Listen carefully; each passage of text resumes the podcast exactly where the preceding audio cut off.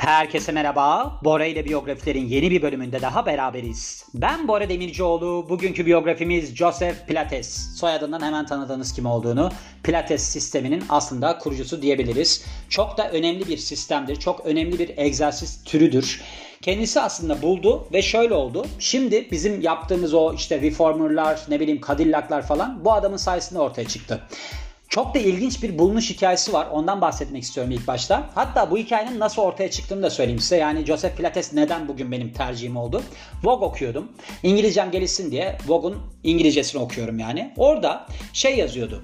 Pilates'in kedilerden çıktığını biliyor muydunuz? Ben dedim ki nasıl ya pilates kedilerden çıktı filan diye.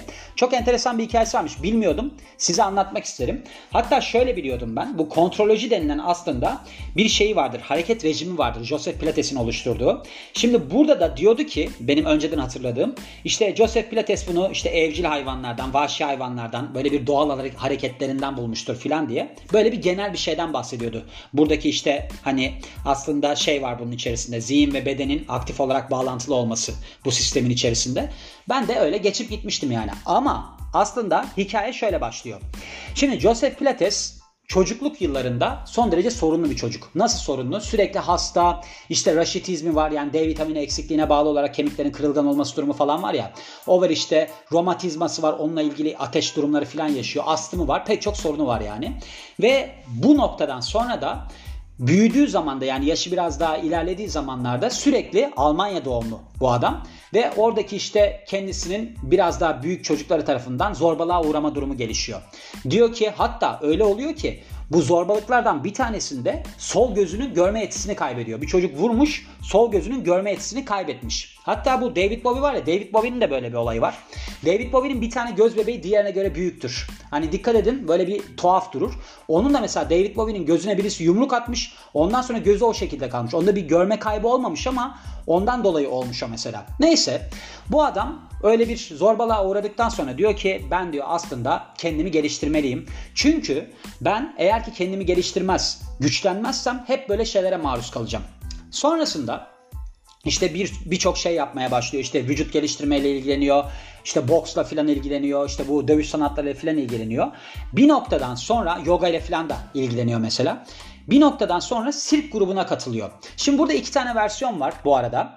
Bir tanesini ben The Famous People'dan okudum. Bir tanesi de Vogue'dan okudum. Vogue'a daha çok güveniyorum bu noktada.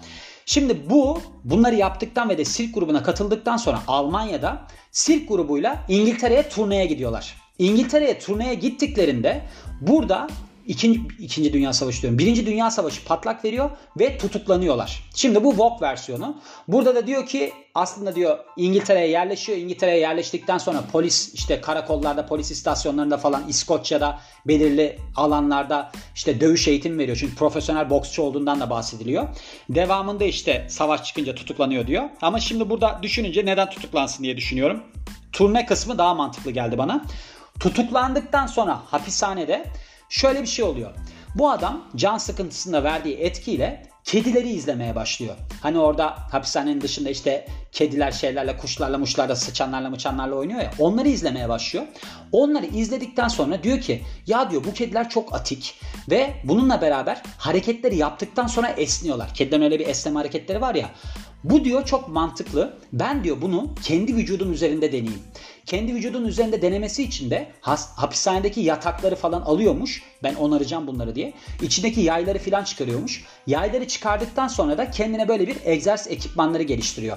Ve bu egzersiz ekipmanları kendi üzerinde çok iyi sonuç verince oradaki mahkumlara da onları uygulamaya başlıyor ve uyguladıktan sonra onlar üzerinde de çok olumlu etkileri olduğunu görünce diyor ki evet ben bunu diyor kesinlikle diyor geliştirebilirim. Hatta şöyle bir söylenti varmış. O zamanlarda İspanyol gribi var ya o patlak veriyor. İspanyol gribi patlak verdiğinde ne kadar bu Joseph Pilates'in çalıştırdığı insan varsa hiçbirisine bir şey olmuyor. Hani hastalığa yakalanmıyor. O yüzden de güçlü oldukları için bunun işe yaradığı da söyleniyor. Öyle bir durumu var yani baktığınızda. Her zaman şu vardır. Eğer ki hayata doğru açıdan bakarsanız gerçekten her şeyi fırsata çevirebiliyorsunuz. Bakın bu biyografilerin ortaya çıkması aslında burada başladı. Nasıl başladı? İşte bu korona zamanlarında benim canım çok sıkıldı ben ne yapsam filan diye. Devamında dedim ki ben dedim hem kendimi geliştireyim hem insanları geliştireyim. Bir de ben artık olaylara hep bu gözle bakmaya başladım. Şimdi pilates eğitmeniyim ben normalde yani. Benim olayım o. Ben antrenörüm. Pilates eğitmeniyim. Beslenme uzmanıyım.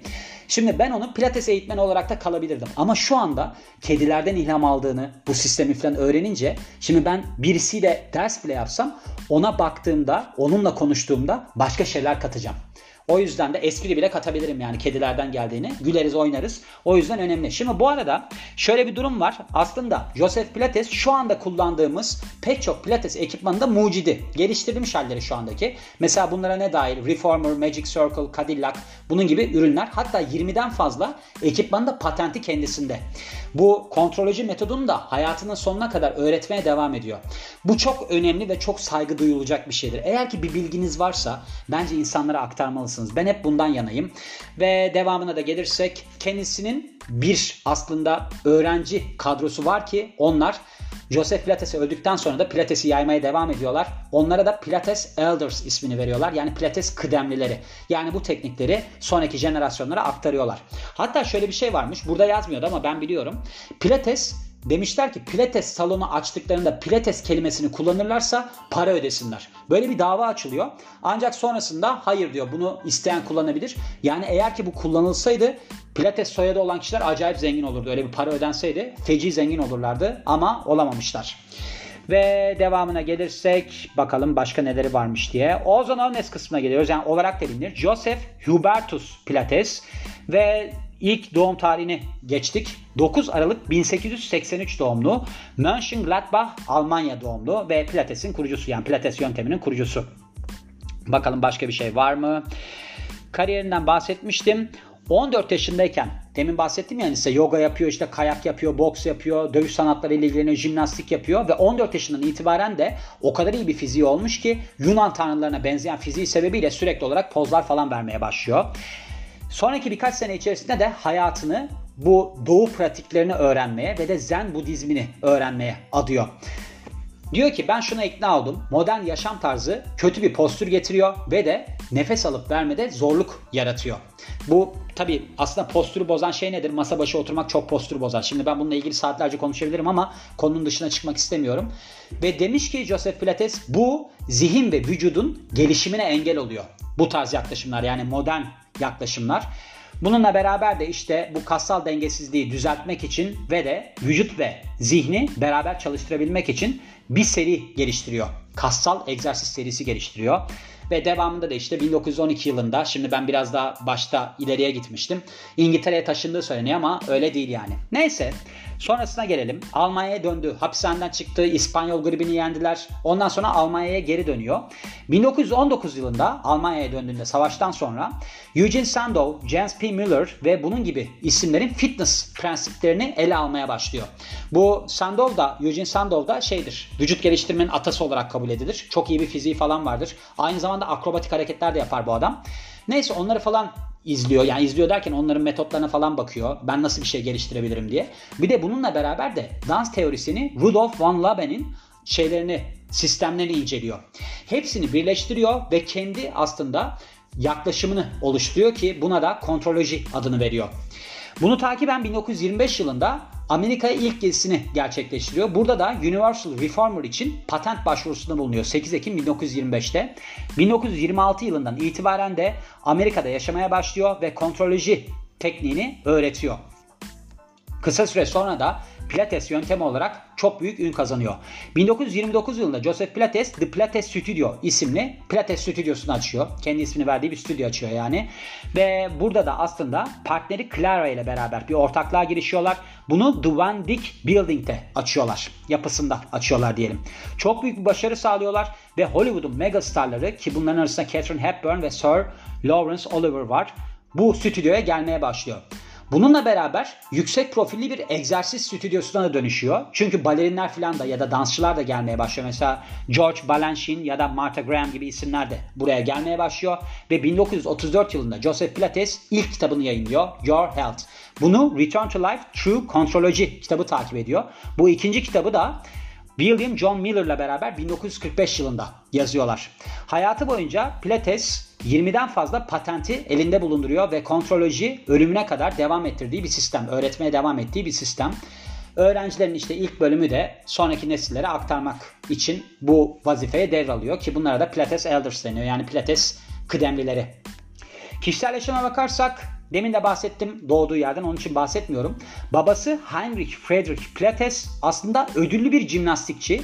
Annesi Helena Pilates ise naturopat yani böyle bir doğal şifacı diyelim. Doğal uzman. Doğal iyileştirici mi derler buna? Naturopat işte. Ve 9 çocuğun ikincisi olarak dünyaya geliyor. Joseph Pilates Katarina Mary ile 1905-1913 yılları arasında evli kalıyor. Kızları dünyaya geliyor 30 Kasım 1905'te ismi Helena. Helene. Bir de oğulları dünyaya geliyor. Hans Heinrich isminde 1908 yılında ancak doğduktan 10 ay sonra hayata veda ediyor. Ardından da Elfriede Sam'la evleniyor. Joseph Pilates 10 Ekim 1919'daki evlilik 1930 yılına kadar devam ediyor. Amerika'ya yaptığı ilk seyahat 6 Ekim 1925'te bunu da Albert Ballin gemisiyle yapmış. Geminin adını vermeye ne gerek vardı bilmiyorum ama ikinci ve son seyahati ise 14 Nisan 1926 yılında gerçekleştiriliyor, gerçekleştiriyor. Bunu da Westphalia gemisiyle yapıyor. Burada Anna Clara Zoyner'la tanışıyor ki bu kadın gelecekteki eşi oluyor. Vatandaşlığa kabul başvurusunu 20 Haziran 1929'da yapıyor ve vatandaşlık aldığı tarih 7 Şubat 1935. Clara ise yani eşi vatandaşlık başvurusu, vatandaşlık kabulünü 14 Ocak 1937'de alıyor. Joseph Pilates şeyle enfezami sebebiyle 9 Ekim 1967'de Lenox Hill Hastanesi New York'ta hayata veda ediyor amfezamiydi değil mi bunun Türkçesi? Bu şey böyle hani akciğerlerde artık oksijen kapasitesi düşüyor nefes alamıyorlar ya. Hatta koah mıdır diye böyle bir şeyler de vardır baktığınızda. Amfezamiydi galiba Türkçe'ye çevirdiğimizde. Öyle bir durum sebebiyle hayata veda ediyor yani. Gördüğünüz gibi bir amfeze amfizemmiş. Amfizem Türkçe'ye çevirdiğimizde. Gördüğünüz gibi yani bazı durumlar bazı durumsuzluklardan ortaya çıkıyor. Mesela bu adam şimdi hapse düşmeseydi, hapse düştüğünde kedileri izlemeseydi belki de böyle bir sistem hiç ortaya çıkmayacaktı. O yüzden hep derim ki Bora bu durum sana ne öğretmek istiyor? Mesela ben böyle bir zorlu bir duruma düşüyorum. Diyorum ki Bora bir sakin ol. Bu durum sana bir şey öğretmek için var ve sen bu durumda ne öğreniyorsun şu noktada? Onu bulursam onun üzerine gidiyorum. Mesela bu Bora ile Biyografiler podcast'i de, Bora ile Biyografiler Instagram hesabı da, benim başka bir podcast'im var Besin Piramidi diye. O da aslında koronanın göbeğinde ortaya çıktı. Neden? Çünkü o zamanlarda biliyorsunuz aramızdaki mesafe, sosyal mesafe bayağı bir artmıştı. Ben de antrenör olduğum için ders veremiyordum ve demiştim ki Bora sen böyle bir bir durumun içerisindesin. Bir şeyler üret. Bir şeyler üret derken şu anda bin bölüm podcast yapmış oldum. Yani yaklaşık 3 senedir. O yüzden bazı noktalarda olumsuzluk olduğunda böyle bir sakin olup düşünmeliyiz. Ben bunu niye yaşıyorum diye. Bakın eğer ki böyle bir olumsuz durum olmasaydı belki de pilates sistemi hiç olmayacaktı. Ben bunun dersini veriyor olmayacaktım. Ve böyle bir kelebek etkisi gibi pek çok değişik durum ortaya çıkacaktı. Belki olumsuz değil ama değişik durum ortaya çıkacaktı. O yüzden bence her türlü zorlukta bakış açımızı olumluya çevirmeliyiz ve bu biyografinin de sonuna geliyorum. Beni dinlediğiniz için çok teşekkür ederim. Ben Bora Demircioğlu. Yeni biyografide görüşmek üzere. Hoşçakalın.